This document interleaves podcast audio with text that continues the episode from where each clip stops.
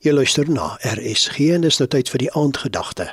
Dit word vanaand aangebied deur Elise Potgieter van Pretoria. Goeienaand luisteraars. Leer eerstens om verantwoordelikheid vir jouself te vat. Daarna kan jy verantwoordelikheid vat vir ander. Almal van ons vat een of ander tyd verantwoordelikheid vir iets of iemand. En hierdie verantwoordelikheid is gewoonlik teenoor 'n persoon en is baie keer fisies van aard byvoorbeeld finansiële verantwoordelikheid of om vir iemand te sorg, wat ook al die geval mag wees.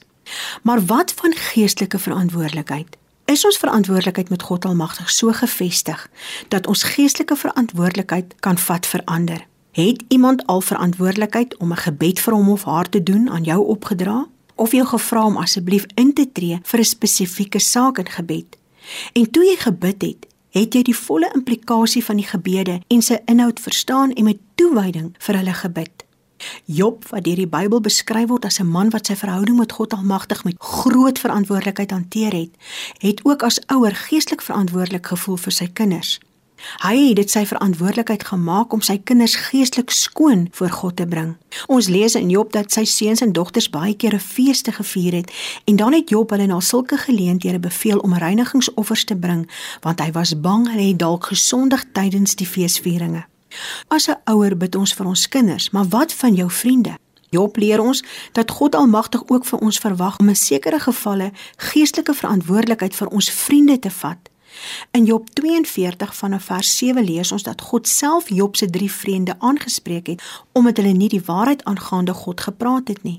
En in plaas van hulle te beveel om 'n offer vir hulle sondes vir hulself te bring, maak God dit Job se verantwoordelikheid om 'n offer te bring vir sy vriende se sondes. God het hulle na Job gestuur. Die woord lees: Nadat hy met Job gepraat het, het die Here vir Elifas, die Tenamiet gesê: Ek is kwaad vir jou en jou twee vriende, want julle het nie die waarheid oor my gepraat soos my dienaar Job nie. Vat sewe bulle en sewe ramme en gaan na my dienaar Job toe en offer dit as 'n brandoffer vir julleself.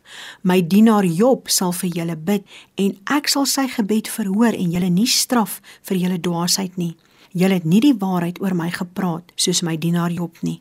En wat is so groot hierin? Wel Job 42 lees dat nadat Job vir sy vriende gebid het, het God sy omstandighede verander en hom twee keer soveel gegee as wat hy voorheen gehad het. Die Here het die laaste deel van Job se lewe voorspoediger gemaak as die eerste.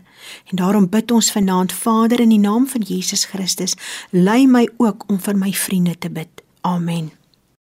En dit was Elise Potgieter van Pretoria met vanaand se aandgedagte hier op RSG.